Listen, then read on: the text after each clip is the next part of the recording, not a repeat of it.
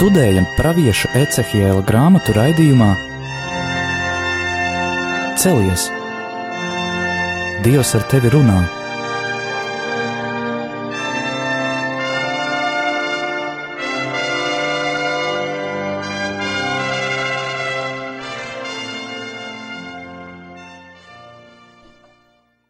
Slavēts Jēzus Kristus, mūžīgi mūžos slavēt, studijā Stēla un Anģela. Turpināsim lasīt, ko Dievs mums runā šajā dienā, pravieša Ecihela grāmatā. Pagājušajā reizē, cik atceros, mēs tikām galā ar faraona un Ēģiptes visām nelaimēm un sapratām, kāds tad ir tas faraona lielākais grēks, šī viņa augstprātība. Un atcerējāmies, tā bija dižena lielvalsts, nedaudz pieskārāmies arī tam, kā pravietis uzrunā faraonu, ka tieši viņš nebiedē, lūk tā, faraon, tev notiks tas un šitas. Tur varam saprast arī to veidu, kā mācīt un kā uzrunāt, par ko būs runa jau tagad, nākamajās nodaļās, 33. 34. arī daļai var to attiecināt. Kā norādīt uz valdnieka tādu nepareizu un pat bīstamu rīcību, un tur mēs redzējām atkal no Anģēlas lasītā, ka Krievu tulkojums pasaka, par ko tad Ecihēls runā, jo latviešu valodā mēs varējām saprast, ka jau ir runa par Ēģipti, ka Ecihēls norāda uz to, kas var notikt, caur Asīrijas ķēniņa vēsturi un notikumiem Asīrijas valsts vēsturē. Tātad ar kādu senu notikumu tiek runāts par šodienu faktiski piedāvājot tam ķēniņam, kas patreiz ir sliktā situācijā, dara grēku pret savu tautu, dod vēl viņām izvēli, vai ķēniņš grib rīkoties tāpat kā tas asurs, jeb vai viņš tomēr vēlētos sekot kunga lik likumam. Tātad runa par kaut kādu izvēli. Un pēc īsas muzikālas pauzes jau pievērsīsimies 33. nodaļai, kur runa tieši ir par to pamācīt un kā uzrunāt.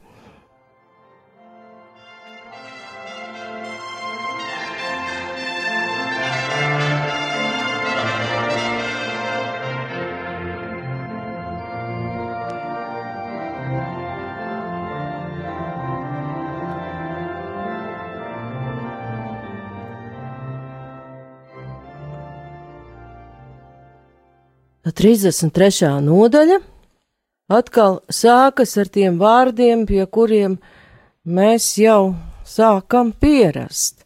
Latviešu valodā ir par mani nācis tā kunga vārds, ja lasīsim rakstus krievu valodā būs slova bela kamņa. Un 33. nodaļā mēs redzam tādus trīs tādus vēstījumus. Vispirms Dievs pavēl runāt tautai par sargu, kuram ir jāredz, ka zobens nāk. Dievs saka par to, ka viņš nepriecājas par bezdievju nāvi, bet viņam ir prieks, ka tas atgriežas un dzīvo. Līdz ar to Dievs pats ar šo vārdu paskaidro, kādēļ bieži posts piemeklē tās tautas, un iespējams arī cilvēku, katru cilvēku individuāli, kurš priecājas par otra nelaimi vai to, ka viņš dara slikti. Dievs nepriecājas ne par vienu nelaimi, un nepriecājas, ja cilvēks dara lietas, kas nav saskaņā ar Dieva likumu. Un Dievs dod atkal norādījumus, šie norādījumi jau atkārtojas, kā Ecihēlam rīkoties. Un tā lasot, kāds uzdevums tiek dots, varētu likties, nu cik var tam cilvēkam otram uzbāzties ar to pamācību. nu viņš neklaus, viņš negrib, ka viņi pamāca, nu lai viņš iet savu ceļu. Bet vai Ecihilam ir uzdots tā vienkārši mācīt, ka viņš izlasīja gudrā grāmatā un tagad gudri mācīs citiem, kā dzīvot? Izrādās, ka te ir kāda nianse. 33. nodaļa, 7. pants, un kā viņš ir Krievu valodā. И тебя, сын человеческий, я поставил стражем дому Израилеву, и ты будешь слышать из уст моих слово и вразумлять их от меня. Когда я скажу беззаконнику, беззаконник, ты смертью умрешь, а ты не будешь ничего говорить, чтобы предостеречь беззаконника от пути его, то беззаконник тот умрет за грех свой, но кровь его защу от руки твоей. Paldies! Kaut gan nav lielas atšķirības, tomēr arī šeit, krievu valodā, teksts ir tāds, teikt, dziļāks. At kā septītais pants skanēja vēlreiz, te ir latviski tevi, cilvēku bērns, es esmu izredzējis par sargu Izrēla namam. Krieviski bija, ja atceros pa stavilu. Pastāvil nolikts jau tavā, izredzēts, tas var būt vēl nenolikts vietā, bet krievu valodā ir pateikts svētajos rakstos, ka Ecehils jau ir nolikts sarga vietā, viņš jau ir nolikts kalpot, lai tu, ja tu saņemsi kādu vārdu no manas mutes, tos brīdini manā vārdā. Un kā tur bija? И ты будешь слышать из уст моих слова и вразумлять их от меня, вразумлять.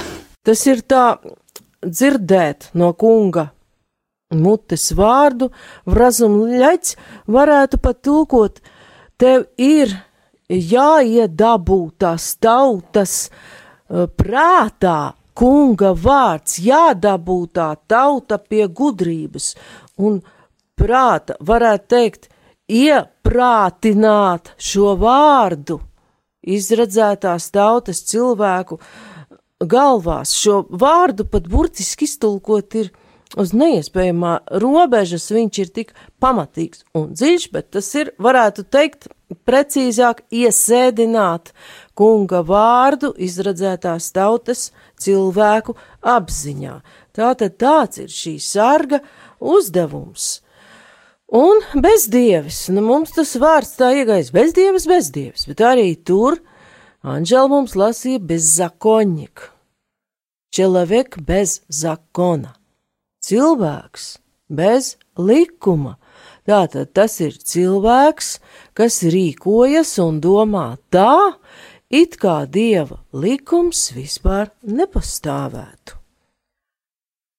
Un vēl mēs te varam redzēt dažas nianses. Vispirms jau varam pievērst uzmanību tam, ka par šo brīdināšanu tas nav pirmoreiz Ecihela grāmatā. Mēs to lasām jau teksts gandrīz sakrīt. Trešajā nodaļā no 17. līdz 21. pantam, kur arī ir šis uzdevums dabūt to cilvēku, kas dzīvo bez likuma pie prāta, un tur šī nodaļa pat latviešu valodā ir tādi virsraksti, turpat tas ir teikts kā Ecihēla uzdevums. Un Trešā nodaļā no 17. panta skan pat gandrīz līdzīgs, un tur pat ir tuvāk tam vārdam, ko krievu valodā lietoja Anģela - cilvēku bērns. Es tevi esmu ielicis par sargu Izrēla namam. Kad tu uztversi no manas mutes, vārdu no manas mutes, tad tev tie jāpamāca un jābrīdina manā vārdā. Kad es saku bezdieviem tev jāmirst, un tu to nepamāci un nebrīdini, lai bezdievs atgrieztos no sava ļaunā ceļa un tas paliktu dzīves, tad bezdievis gan nomirs savos grēkos, bet viņa asinis es prasīšu no tavas rokas diezgan draudīga atbildība. Ja nepatīk to pamācīšanas darbu darīt, Iznāk, ka cilvēks, ja nav pūlējies no visiem spēkiem, lai to bez likuma dzīvojošo cilvēku vestu atpakaļ pie likuma, pie dieva likuma, ka tas līdzinās slepkavībai, jo atcerēsimies radīšanas grāmatā aprakstu pa kainu un ābelu, ka ābela asinis brēc uz debesīm. Tā tad iznāk arī Dievs tik ļoti skumst par bezdievja nāvi, ka viņa asinis brēc uz debesīm. Bet kā tad tur ar to runāšanu ir? Ir cilvēki kautrīgi, citam ir vēl kādi kompleksi, vai viņš nu, jūt un domā, ka viņš nevar runāt, tāpat kā savā laikā tur Mūzus teica, ka man tā runa ir grūta un pretojās dieva uzdevumam, bet mēs jau redzējām, kad Ecihils nerīkojas pats savā vārdā. Tevi, cilvēka bērns, ja esmu ielicis, Dievs viņu ir ielicis tai uzdevumā, tai runāšanai, un vai tā viņš tur runā kādus savus vārdus vai savas teorijas, nē, viņš runā tos vārdus, kurus Dievs liek viņa mutē, un ja mēs vēl skatītos to trešo nodaļu, tur pirms šīs pavēles ir epizode, kurā Ecihēls apēda rakstu rituli, Tā tad Ecihēls apēd sagramo to kunga vārdu, un tad viņš, cik spēj, cik nu tauta vēlas pieņemt, mēģina ielikt tautas prātā, tautas sirdī šos vārdus, kurus Dievs viņam dod. Un liekas, ka tā pirmā epizode it kā nu, nav īpaši sadarīga, bet tā vēl pa parāda, kas ir šis runātājs, kurš aicina bezdievi līdz pēdējiem atgriezties. Viņš ir sargs savai tautai, tur ir Izraēļa namām. Un vārds ir pateikts caur tādu senu, tā laika pilsētu apsardzības praksi, ka uz mūriem bija un sako ķēniņa vai kādu padomnieku nozīmēts sargs, kurš vērīgi skatījās, vai nenāk ienaidnieks, un tad viņš ziņoja. Dažkārt senajā pasaulē ļoti ātri caur šiem sargiem ar ugunspastu paziņoja ugunskurs, ugunskurs, ugunskurs, vēl mēs varam atcerēties pat to latviešu dzējnieka, uh, garo dzējoli, ko varbūt daudzi skolas gadās mācījās pat tālaus taurētāji. Tur arī ir atainot šis valdnieka nozīmētais sargs, kurš redz nākam ienaidnieku un tad taurē, bet ja atceramies Blaumaņa dzējoli, viņam tas beidzas traģiski, ka viņš savā postenī arī tiek nogalināts. Un, ja šis sargs redz zobenu nākam un nepūš tauri, te arī izrādās runa par tauri. Arī nokauj kādu no tiem, tad tas mirst gan savu grēku dēļ, bet viņa asins atprasīšu no sarga rokas.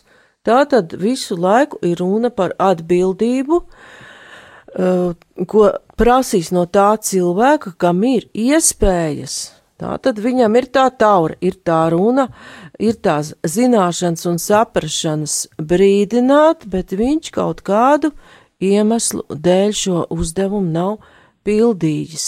Un kā tad saprast šo karaspēku sargu, kas redz, ka armija nāk mūsdienu situācijā, it kā nu, tādi lieli kari arī Eiropā nav. Liekas, ka nekādas fiziskas armijas nenāk, bet mūsdienās cilvēkam, kas saprot kunga likumu, ir jāredz šī lielā atkrišana no tā kunga likuma ignorēšana un jāredz, pie kā noved kunga likuma aizmiršana, civilizācijas un tautas, kas to ir aizmirsušas, jo mēs tomēr redzam, ka kādas briesmas jau arī nāk, ka daba vairs nav uzticama un droša.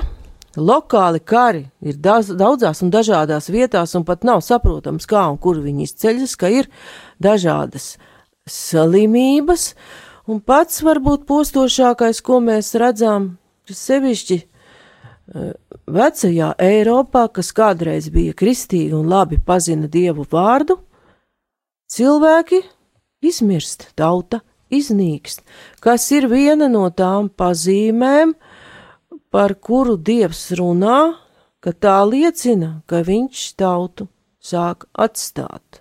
Turiet manas tiesas, lai jūs vairotos un tajā dzīvo tajā zemē, kuru es, kungs, jums došu. To mēs lasām daudzreiz vecajā derībā.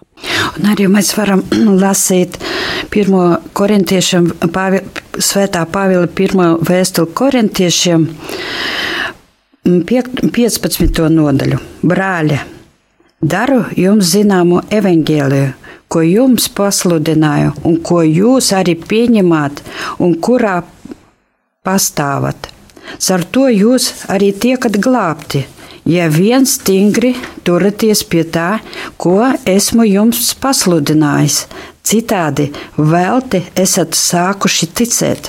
Vispirms es jums nodevu to, ko pats esmu saņēmis. Kristus mīra par mūsu grēkiem, pēc rakstiem, un tika guldīts kapā, un trešajā dienā augšām cēlās pēc rakstiem un parādījās Kēfam, pēc tam tiem 12, pēc tam parādījās vienlaikus vairāk nekā 500 brāļiem, no kuriem lielākā daļa vēl ir dzīvi, bet daži jau aizmiguši. Pēc tam parādījās Jēkabam, pēc tam visiem apstuļiem. Un kā vispēdējām viņš parādījās man, kā tādam priekšlaicīgi dzimušam, jo es taču esmu vismazākais no apstuļiem un neesmu cienīgs saukties par apstuļu, tādēļ, ka reiz es vadi, vajāju dieva draugu. Paldies! Tad šeit ir fragments no apakstuļa Pāvila, ļoti tāda pravietiska, svētā, kurš to vien darīja, kā runāja dieva vārdus un sludināja dieva vārdu. Tā tad arī viņš darīja pēc kunga pavēles to pašu, ko Ecehils darīja pēc kunga pavēles vecajā derībā. Ja tu saņemsi kādu vārdu no manas mutes, tos brīdini manā vārdā. Pāvils ir saņēmis jau iemiesoto vārdu, viņš ir ticies ar iemiesoto vārdu Jēzu Kristu, un tagad viņš iet sludinādams Jēzu Kristu un viņa mācību, jeb evaņģēliju. Lai visi mēs tiktu glābti.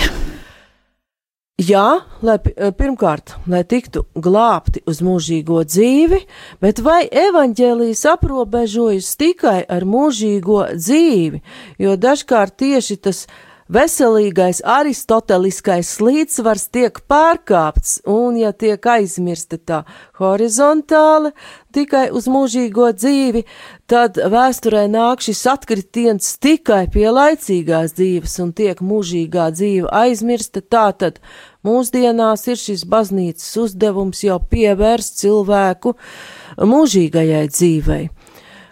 Jo ko tad ietver šī evaņģēlijas sludināšana, iemiesotā vārda, dotās mācības tālāk nodošana.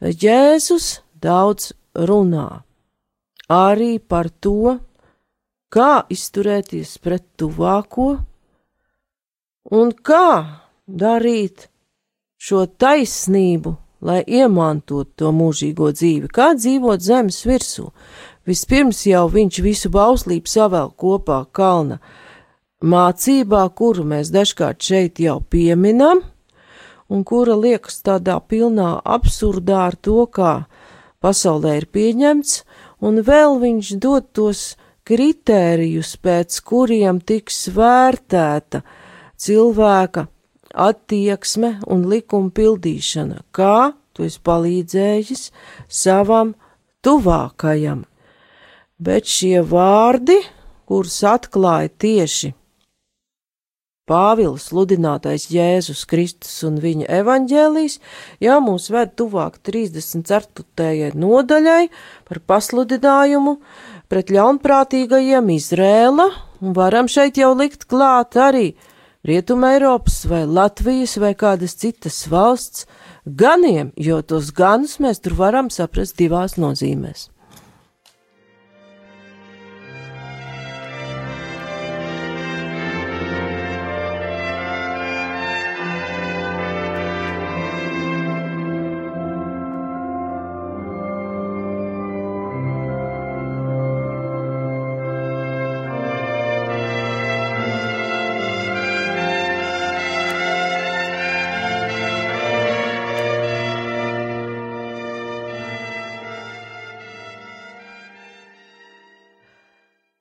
Mēs izlaidām īsu fragment par Jeruzalemes krišanu, ka pēc šīs 33. nodaļas uzrunas, ko Dievs saka Ecehielam, un uzdevuma ir īsts fragments par pilsētas krišanu, un tad atkal ir kunga vārds klāt pie pravieša, un liek sludināt ļaunprātīgajiem Izrēla ganiem. Cilvēka bērns sludina pret Izrēla ganiem, sēka šiem ganiem. Kā tas vārds ganiem tur atkārtojas jau vai uz katras soļa, eh, kad sāk jau gandrīz apnīt ganiem, ganiem, ganīt, ganīt, nu cik var, bet Ecihels to runā, lai kaut niecīga iespēja būtu šo vēstījumu, kā jau mēs tur lasījām, ielikt to ganu apziņā.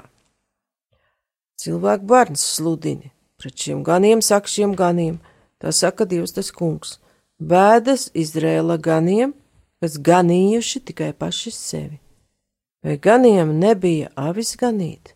Jūs viņu pienu gan dzerat, ar viņu vilnu ģērbjaties un kaujat taukās, bet jūs avis neganāt. Vājās jūs nekopjat, nespēcināt, slimās nedziedināt.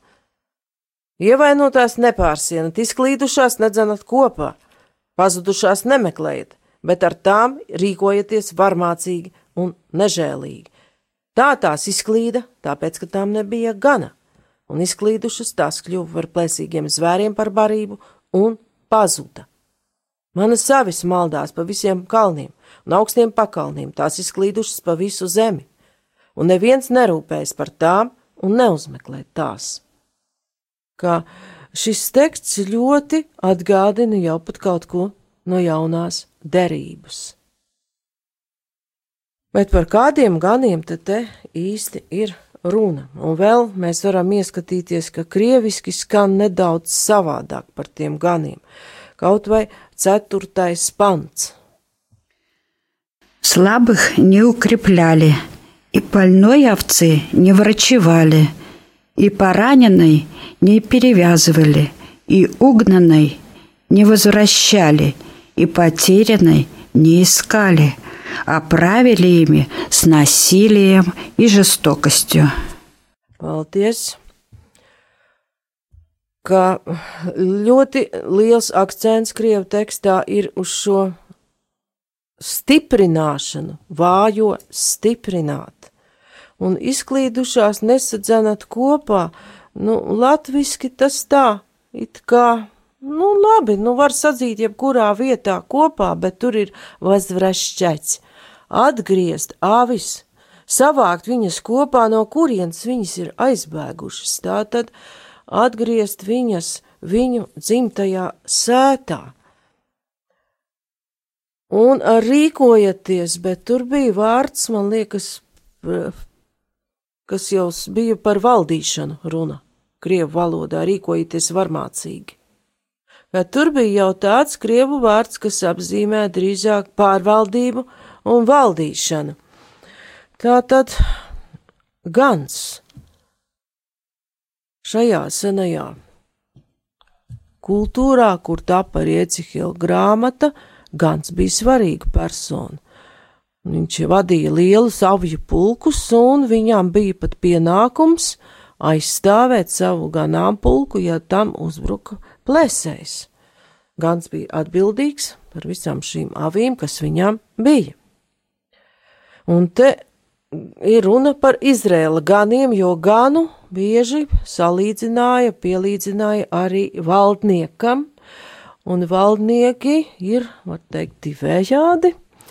Ir, kas attiecas uz laicīgo varu, tur mēs redzam ķēniņu, šodien tie ir prezidenti, dažādu parlamentu deputāti, un ir garīgie valdnieki, jo toreiz bija arī priesteru kārta, tāpat tā ir bez e, milzīgām izmaiņām tai varas būtībā nodzīvojusi līdz mūsdienām, kamēr laicīgajās varas struktūrās daudz kas ir mainījies, un pat tās ārējās redzamās zīmes, kas var norādīt uz ganu, nu mūsdienās ir galīgi pazudušas, jo valdniekam arī uh, rokās ir tāds kā zizlis vai skipetrs, ja, kur arī ir kāda līdzība ar šo gana spieķi, un nu, garīgajiem ganiem vismaz katoliskajā baznīcā ir jau izveidots, un rokās bīskapam ir gana zizlis.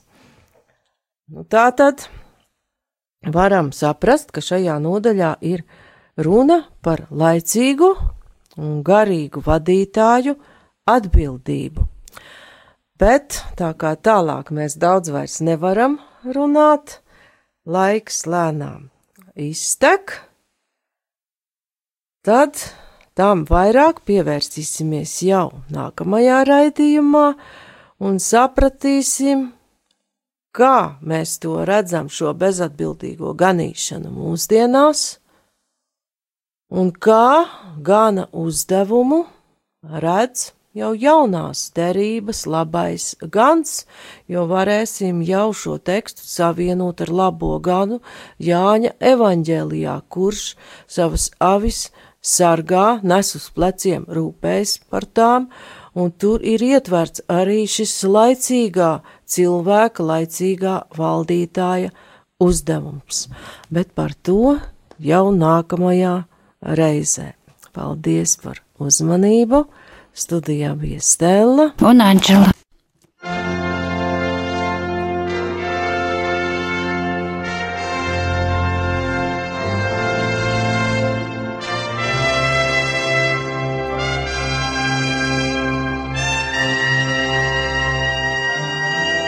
Izskanēja raidījums